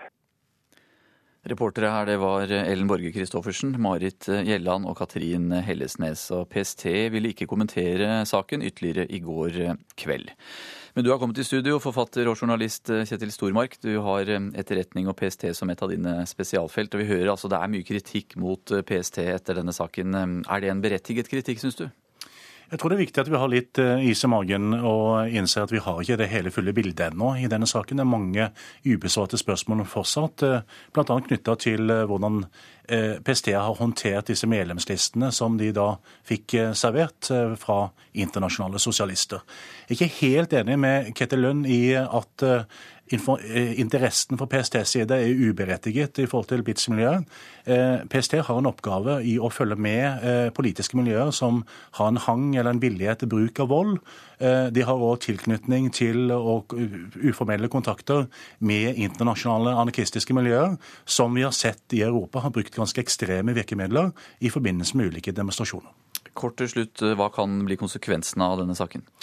Det eh, vil jo da undersøkelsen av denne saken måtte avklare. Det er viktig tror jeg, at denne saken blir avklart og granska ganske umiddelbart. Det, det, tror jeg òg er i PSTs egen interesse. At eh, man får avklart om det PST har gjort eh, i denne saken, er innenfor eller utenfor de reglene de skal holde seg til. Én av eh, fem alternative behandlere lover mer enn de har lov til på nettsidene sine. Det viser en undersøkelse fra Helsetilsynet og Forbrukerombudet. Noen lover å behandle alvorlige sykdommer, som kreft. Det viste seg jo at vi hadde veldig kort tid igjen. Nå mangler hun én. For fire år siden mista Gunhild Lem mannen Steinar i kreft. Den siste tida han levde, ble de kontakta av mange alternative behandlere, og de prøvde i håp om at han kanskje kunne bli bedre vi fikk så veldig mye tilbud om ting som er helt uh, udokumentert, og som viser seg ikke virker. En av fem alternative behandlere lover mer enn de har lov til på nettsidene sine. Det viser en kontrollaksjon Statens helsetilsyn og Forbrukerombudet har gjort. Flere lover at de kan behandle alvorlige sykdommer som t.d. kreft. Noen hevder at det sykehusene gjør, ikke har effekt. Pasientsikkerheten er det vi er opptatt av. Og det er klart at Vi er bekymra for at det skal gis behandlinger som ikke er i tråd med pasientens beste og pasientens sikkerhet. Sier Anne Myhr, fagsjef i Statens helsetilsyn. Terje Risberg, kreftlege og professor ved Universitetet i Tromsø, merker at mange pasienter leter etter andre tilbud enn tradisjonell medisin. Så ser vi at ofte så velger man da løsninger som ikke nødvendigvis er så hjelpsomme. Og så når jeg ser tilbake på det stresset, det jaget vi hadde etter um, Kanskje det hjelper, kanskje det hjelper, kanskje det hjelper. Uh, I en kamp som var dømt helt fra starten av. Uh, så tenker jeg at, det, den tiden kunne vært brukt mye bedre. Reportere Eirin Årdal og Janne Seime Siler. Og dette kan du se mer om på FBI på NRK1 i kveld klokka 19.45. Norge er interessert i å trekke Tyskland mer aktivt med i den framtidige olje- og gassvirksomheten eh, øst i Barentshavet. I dag kommer Tysklands forbundskansler Angela Merkel på en lynvisitt til Oslo. Og nettopp energi og utvikling av ressursene på havbunnen i nord blir et av de viktigste temaene. Krieg ist, wenn die Väter die Söhne beerdigen müssen. Und Frieden ist, wenn die Söhne die En lyrisk og humørfylt Angela Merkel var det som var på besøk i Oslo i forbindelse med utdelingen av Nobels fredspris til EU. Vel to måneder senere kom den tyske forbundskansleren i ettermiddag tilbake til Norge for samtaler med statsminister Jens Stoltenberg og med energi øverst på dagsordenen. Norske Statoil og den tyske energigiganten Wintershall er i samtale foran mulig leiteboring i Barentshavet sørøst, i områdene opp til den nye grenselinjen mellom Norge og Russland. Sa reporter Morten Jentoft. En ny rapport fra Språkrådet viser at over 160 statsorgan bryter målloven på nettet. Nynorskbruken på nettstedene ligger på rundt 11% som er langt fra minstekravet i målloven om 25% Leder for Norges Mållag, Håvard Øvregård, legger skylda på de offentlig ansatte, og mener sjefene deres bør få sparken hvis loven brytes. Det som jeg ser på som det mest eh, naturlige, det som tror vi fungerer best, er at sjefer som ikke leverer, de må finne seg en ny jobb. At vi begge har truffet et menneske som bryr seg. Som kan trøste den andre som kan bysse den andre i søvn. Neste uke har Riksteatret en premiere på 'Tvillingsjeler', en oppsetning der skuespillerne ikke snakker nynorsk. Riksteatret er et av de statsorganene som kom dårligst ut i undersøkinga, med null nynorsk både på nettside og repertoarbrosjyre. Teatersjef for Riksteatret, Ellen Horn, er ikke nøyd med resultatet, men forteller at det nå blir satt i gang tiltak for å få opp prosenten. Det blir eh, mange, mange forestillinger som kommer eh, på nynorsk, og da kommer vi til å lage alt skriftlig materiell knytta til de forestillingene på nynorsk. I fjor hadde vi også årsmeldingen på nynorsk. Så vi prøver å, å få til mer. Reporter her, det var Camilla Yndestad. Therese Johaug har lært av nedturen i Tour de Ski og skal ikke gå i samme fella i ski-VM. Minnene fra forrige gang hun gikk i VM-løypene i Val di Fiemme har irritert henne lenge. Ja, jeg har tenkt mye på den, så det skal ikke skje igjen. 5.1 måtte Johaug gi slipp på polske Justina Kowalczyk i den nest siste etappen av Tour de Ski, og dermed røk sjansen til sammenlagt seier. Kowalczyk vant til slutt Tour de Ski, og Johaug har siden den dagen irritert seg over at hun måtte se Kowalczyk dra ifra. Lørdag møtes de igjen til 15 km med skibytte i de samme løypene i VM. Jeg skal bite meg fast så godt jeg kan, og jeg vet at hun kommer til å gå knallhardt her. Johaug har hatt en god oppladning til VM med seier i generalprøven i verdenscupen i Davos på søndag.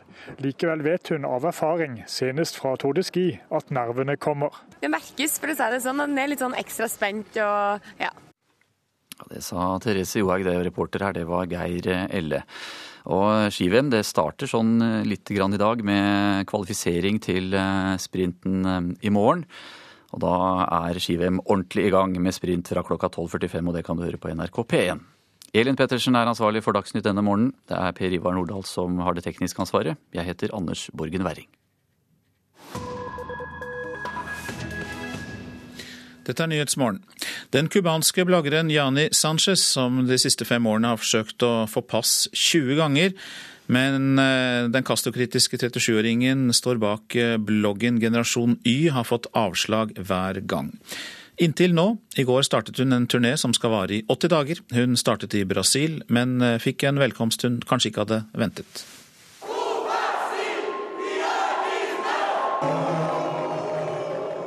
Ja til Cuba, nei til Joani. Det er budskapet fra den lille gruppen som demonstrerer mot den cubanske bloggeren Joani Sanchez idet hun kommer til et debattmøte i byen Bahia. Hun er CIA-agent, står det på banneret som demonstrantene bærer, slik den cubanske regjeringen også pleier å si det om folk som klart taler makthaverne på Cuba imot. Og demonstrantene hevder også at hun er for den økonomiske blokaden mot Cuba. Men Joani Sanchez har vært ute en vinternatt før og kommer sine kritikere i møte. No me asustan los problemas. No le tengo miedo a los problemas. No le tengo miedo a los represores. Bien, entonces, estoy en contra del embargo por varias razones que quiero compartir con ustedes. Joani Sanchez viker ikke verken for problemer eller for undertrykkere. Og den økonomiske blokaden mot Cuba er hun mot av flere grunner. Hun ser på blokaden som et fossil fra den kalde krigens dager, og at den cubanske regjeringen kan bruke blokaden til å dekke over sin egen økonomiske udugelighet. Jeg har ikke tomater og poteter å legge på middagstallerkenen min, sier bloggeren Joani Sanchez, og det skyldes ikke den økonomiske blokaden mot Cuba. Gruppen som demonstrerer i Bahia, er ikke stor. Og når Joani Sanchez reiser videre rundt i verden, vil hun trolig bli godt mottatt de aller fleste stedene hun kommer. Hun har allerede vunnet flere priser for bloggen sin, Generasjon Y. Den er ikke så godt kjent på Cuba, men desto bedre kjent internasjonalt. For å få ut budskapet sender hun bloggen som e-post til venner i utlandet, som i sin tur legger den ut på nettet. Bloggen blir også oversatt og kan leses på 17 forskjellige språk. Lett har det ikke vært. Un camino del dolor que empecé a sentir desde el primer momento que abrí el blog. Porque vivo en una sociedad donde la opinión es traición. Det har vært en smertens vei siden jeg startet bloggen, fordi jeg lever i et samfunn der din mening blir sett på som forræderi, der det egentlig er umulig å kritisere en regjering som har hatt makten i over 50 år, som aldri har tillatt politisk opposisjon, en regjering som ikke klarer konkurransen i et åpent samfunn, og som sensurerer både kunst og journalistikk, sier Joani Sanchez. Johanni Sanchez kunne ha blitt i Sveits, dit hun dro i 2002. Men hjemlengselen ble for stor, og hun dro tilbake til Cuba etter to år, og startet etter hvert bloggen sin. Det at hun nå har fått pass av den cubanske regjeringen er et positivt tegn, mener hun. Hun ser også fremskritt etter at Raúl Castro tok over for broren Fidel.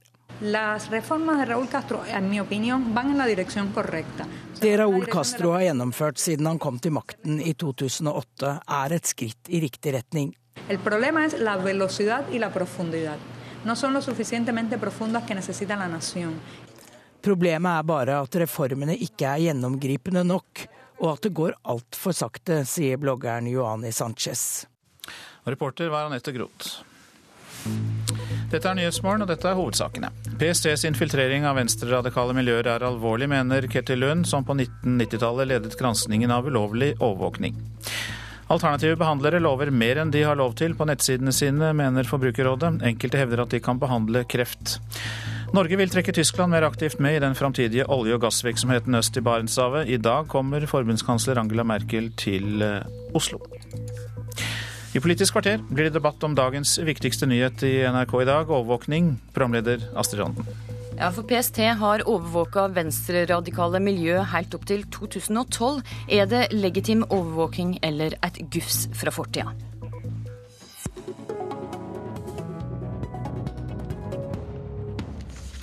Leder i Rødt, Bjørnar Moxnes, tror du at ditt parti blir overvåka i dag? Nei, altså jeg, jeg, tror vel ikke det. Eh, altså PST har jo eh, tidligere i historia eh, overvåka fredelige og lovlige norske partier. det ble jo grundig avslørt i Lund-kommisjonen for 15 år siden, og det tror jeg vel at PST har lært av. Så jeg, jeg tror og håper at, at det ikke blir det i dag. Altså hvis, hvis det er tilfellet, så er det jo en, en stor skandale i så fall. Men hva syns du om gårsdagens dokumentar og opplysningene som kom fram der? Nei, altså jeg vil først si at, eh, at, vi trenger eh, et eh, overvåkningspoliti som et nødvendig onde mot både personer og, og grupper som, som, tyr til vold og terror. Og at innbyggerne har rett på trygghet og sikkerhet. Men vi har også rett som innbyggere på, på trygghet fra statens overvåkning. Og det vi så i dokumentaren eh, i går, det er jo at, at, fredelig aktivitet, det å abonnere på et sosialistmagasin, eh, for det har det altså blitt ført eh, inn i overvåkningspolitiets arkiver. Og det mener jeg er et angrep på ytringsfriheten, og at det også er et eksempel på ulovlig overvåkning av politiske meninger. Det blei vel dokumentert i går at listene, informanten sa at han ga listene til PST, mm. Mm. men ikke at PST registrerte disse listene ulovlig. Nei, Det gjenstår jo uh, å se, uh, og det er i så fall interessant å få, å få svar på. Men bare det at, uh, at en informant har overlevert lister over abonnenter på et blad og medlemmer i en sosialistgruppe til PST, det er alvorlig. Etter Lund-kommisjonen er det helt utvetydig slått fast at det at du har at du har bestemte meninger, om de så er ekstreme i, i statens eh, perspektiv, eh, så er ikke det alene grunn nok til å bli registrert. Altså Om du har ekstreme syn på innvandring, på skatt og avgifter, om du så er en ekstrem muslim, så kan du ikke av den grunn bli registrert og overvåka. Du må også kunne ha en konkret mistanke om at man planlegger eh, terror og vold for å kunne registrere på den måten. Per Sandberg, leder i justiskomiteen og nestleder i Frp. Er det grunner til at PST bør infiltrere og overvåke grupper som internasjonale sosialister og Blitz? Jeg har tillit til at PST bruker den hjemmelen de har, på riktig måte.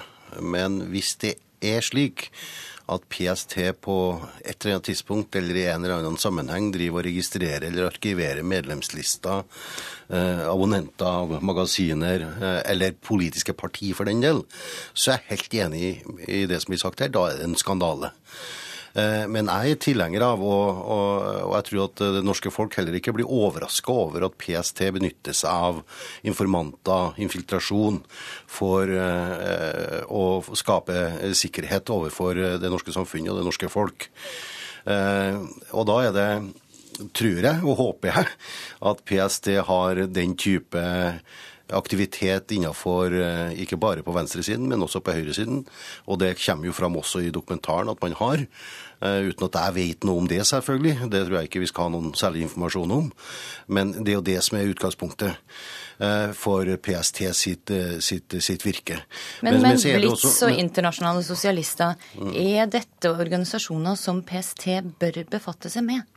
Ja, at man eh, har eh, informasjon og innsikt i hva disse eh, miljøene opererer med. I forhold til at det kun være aktivitet som kan føre til vold. Og vi ser ut fra dokumentaren også at man har hindra konflikter, bl.a.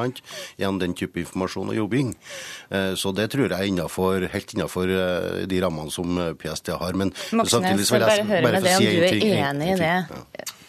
Jeg tror vel jeg vil si sånn som eh, Kjetil Lund sa tidligere eh, i, i dag på NRK, at, eh, at, at, ordensforstyrrelser det er en sak for ordenspolitiet. og Det er ingen tvil om at, at Blitz til tider har stått for ordensforstyrrelser. Det tror jeg de fleste i Norge er fullt klar over. Men det er en forskjell på ordensforstyrrelser og det å eventuelt overvåke og registrere personer på bakgrunn av, av bestemte standpunkter. Og det er helt tydelig i PST sin instruks at medlemskap i politiske organisasjoner eller partier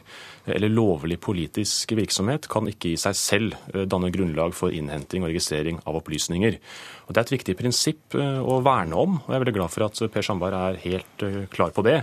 At det å ha standpunkter som, som staten kan mene er ekstreme i seg selv, skal aldri være grunnlag for å bli uh, ført inn i uh, politiets overvåkningsarkiver. Da er vi enig i det, men, men altså Sandberg, er ikke Blitz-miljøet egentlig en sak for ordenspolitiet, og ikke for PST, jo, som skal men, egentlig forhindre terror? Her, her er jo hele politiet politiet. Det er jo et samarbeid. ikke sant? Det er jo ikke PST som stiller opp i gata og hindrer demonstrasjoner og konflikter. Det er det ordenspolitiet og beredskapstroppen som gjør. Etter at eh, det ordinære politiet og beredskapstroppen da har, fått, eh, har et samarbeid med PST og informantene. Men, men det som uroer meg enda mer enn det som vi ser her, det er jo det at PST og politiet ønsker seg verktøy der man ønsker å overvåke hele befolkninga. Eh, Bl.a. datalagringsdirektivet. Der har jo jeg hatt en konflikt med PST over lang tid. Det er jo mye verre enn det at man kanskje på mistanke overfor enkeltpersoner eller overfor grupperinger får tips eller informasjon om at her kan det bli konflikter eller tendenser til voldsbruk. Det er mye verre, syns jeg. Det spørsmålet som i hvert fall melder seg i etterkant av gårsdagens Brennpunkt-dokumentar, eh, det er jo om, om det som følge av denne mangeårige overvåkninga av, av, norsk venstreside, om noen som helst har blitt, eh, har blitt eh, dømt eller tiltalt eh, som følge av overvåkninga, eller om det har funnet ingenting av den typen gjennom overvåkninga. Og så tror jeg at, at det, det finnes en enhet som kalles enhet for, for kontraekstremisme i PST. Det syns jeg, i hvert fall etter gårsdagens sending, tyder på at PST har en viss aksept for å drive politisk overvåkning på rent meningsgrunnlag.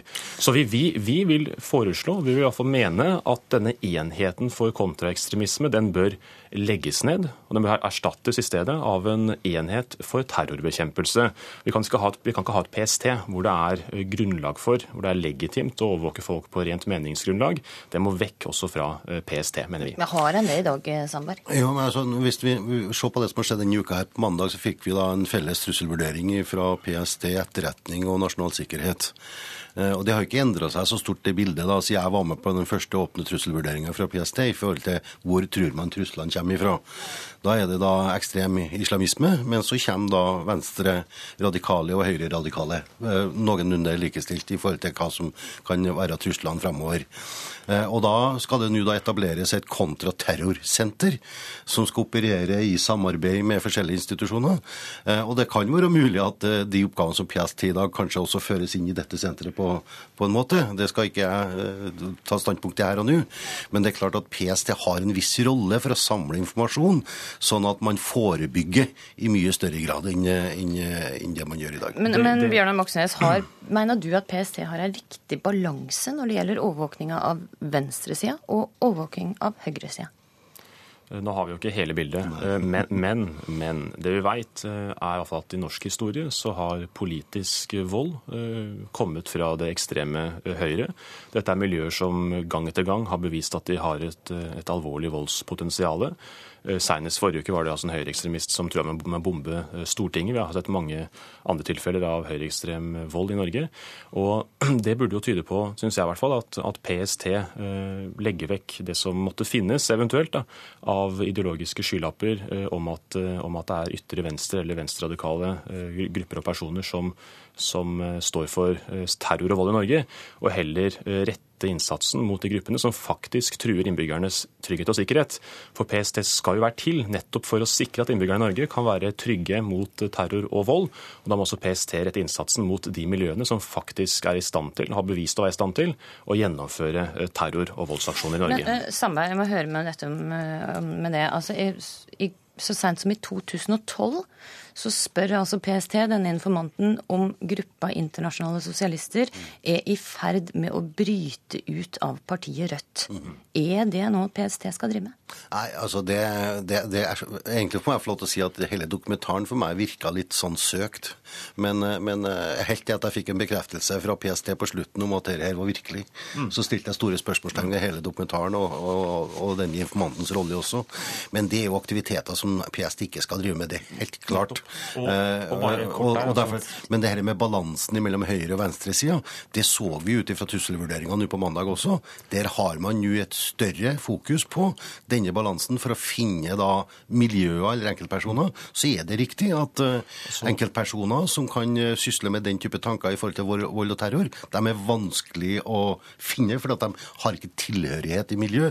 Og de er kanskje også stort sett ut på uh, en annen side enn venstresida. Der må jeg si takk til det, Per Sandberg, og til det, Bjørnar Moxnes.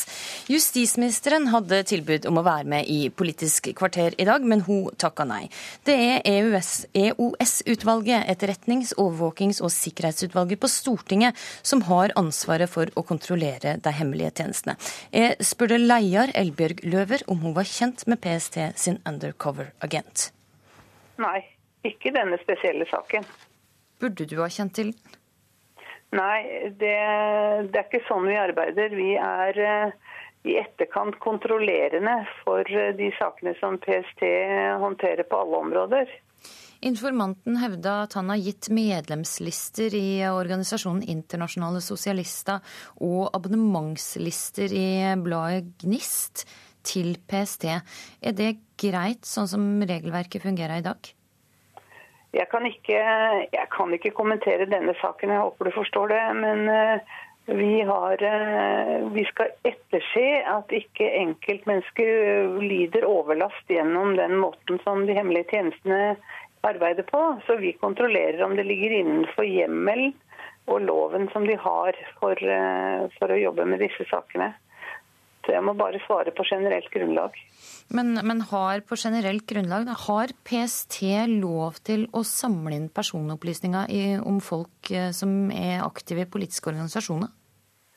De har hjemlet i, i, forebyggende øyemed med hensyn til forebygge terror. Så kan de registrere personer ut fra en, en eh, antagelse, men de må slette det etter fire måneder hvis det ikke er grunnlag for den registreringen. Og like fullt som vi kontrollerer eh, hva som er registrert, så kontrollerer vi at det slettes når det skal slettes. Mener du at kontrollen som EOS-utvalget og Stortinget da har med PST er god nok? Altså, Vi kan bare kontrollere på, på stikkprøvebasis. Det er klart Hvis vi hadde hatt en total oversikt og kontrollerte alt som PST gjorde, så tror jeg vi hadde et samfunn som vi ikke ville ha. Så vi, Dette må bygge også på tillit og på at vi får informasjon om eh, og tilgang til arkivene, sånn at vi på egen hånd kan kontrollere.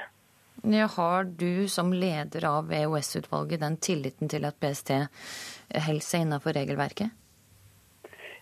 Kan, ja, på de, på de, sakene vi kontrollerer, så kan vi si at PST holder seg innenfor regelverket. Og hvis de ikke gjør det, så er det vårt, vår oppgave å påpeke det overfor Stortinget når vi melder fra til kontroll- og konstitusjonskomiteen. Kommer EOS-utvalget nå til å gå inn og kontrollere denne saka? Eh, nå vil jeg nå først uh, si at jeg må se saken og se hva, hva, hva det dreier seg om. Men uh, vi har full mulighet til å gå og etterspørre informasjon. Det har vi. Så det kan være en mulighet? Det kan være en mulighet, men uten at jeg sier at det vil skje i denne saken. Det sa altså Elbjørg Løver da jeg snakka med henne i går, og i Dagsnytt i dag så hører vi at Arbeiderpartiets Jan Bøhler ber EOS-utvalget gå inn i denne saka. Forfatter og journalist Kjetil Stormark, du kjenner PST godt. Først, hvorfor tror du at PST er så interessert i organisasjoner som Blitz og internasjonale sosialister? Det er mange årsakssammenhenger til det. Eh, det er en vilje til bruk av vold som et virkemiddel i den politiske aktivismen, som er særtrekket som gjør at PST ikke bare har en interesse, men en plikt til å følge med. Det har vært mange voldelige demonstrasjoner bl.a. rundt den amerikanske ambassaden i Oslo. Og det er jo et, et ansvar som PST har, å følge med på, på miljøer som kan representere en sikkerhetstrussel mot ikke bare den norske statsmakten, men og andre lands utenriksstasjoner i Norge. Ja, men tror du dette først og fremst handler om den amerikanske ambassaden og trusler mot den? Ikke først og fremst, men dette er en del av bildet. Eh, det som er jeg blir på ingen måte opphissa og, og eh, desillusjonert over at eh, PST benytter den anledningen til å skaffe seg en informant. Det avgjørende her er hva du bruker den muligheten til. Spørsmålet er om da PST har gått for langt i eh, dette arbeidet. Om de har utnytta mulighetene til å drive eh, en politisk kartlegging. Hvis de har gjort det, så er det en skandale. Men eh, det er ikke sikkert at det er tilfellet her. Og det at man stiller spørsmål rundt politisk kontekst i forhold til de organisasjonene man følger med på, er helt naturlig. Det betyr ikke at det er overvåking, men det er nødvendig for saksbehandleren likevel å skjønne hvilken kontekst de opplysningene de får servert, inngår i.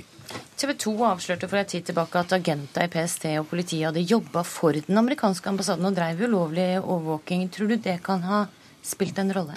Altså, Den såkalte SDU-enheten eh, i altså Surveillance Detection Unit i eh, den amerikanske ambassaden har jo sjøl tatt bilder av demonstranter eh, i forbindelse med politiske markeringer på gateplan i Oslo. Og har nok sannsynligvis sitt eget register over de som kan representere en trussel for ambassaden. Men dette er et større bilde. Det er internasjonale anarkistmiljøer i, i Europa som er viktig å følge med på.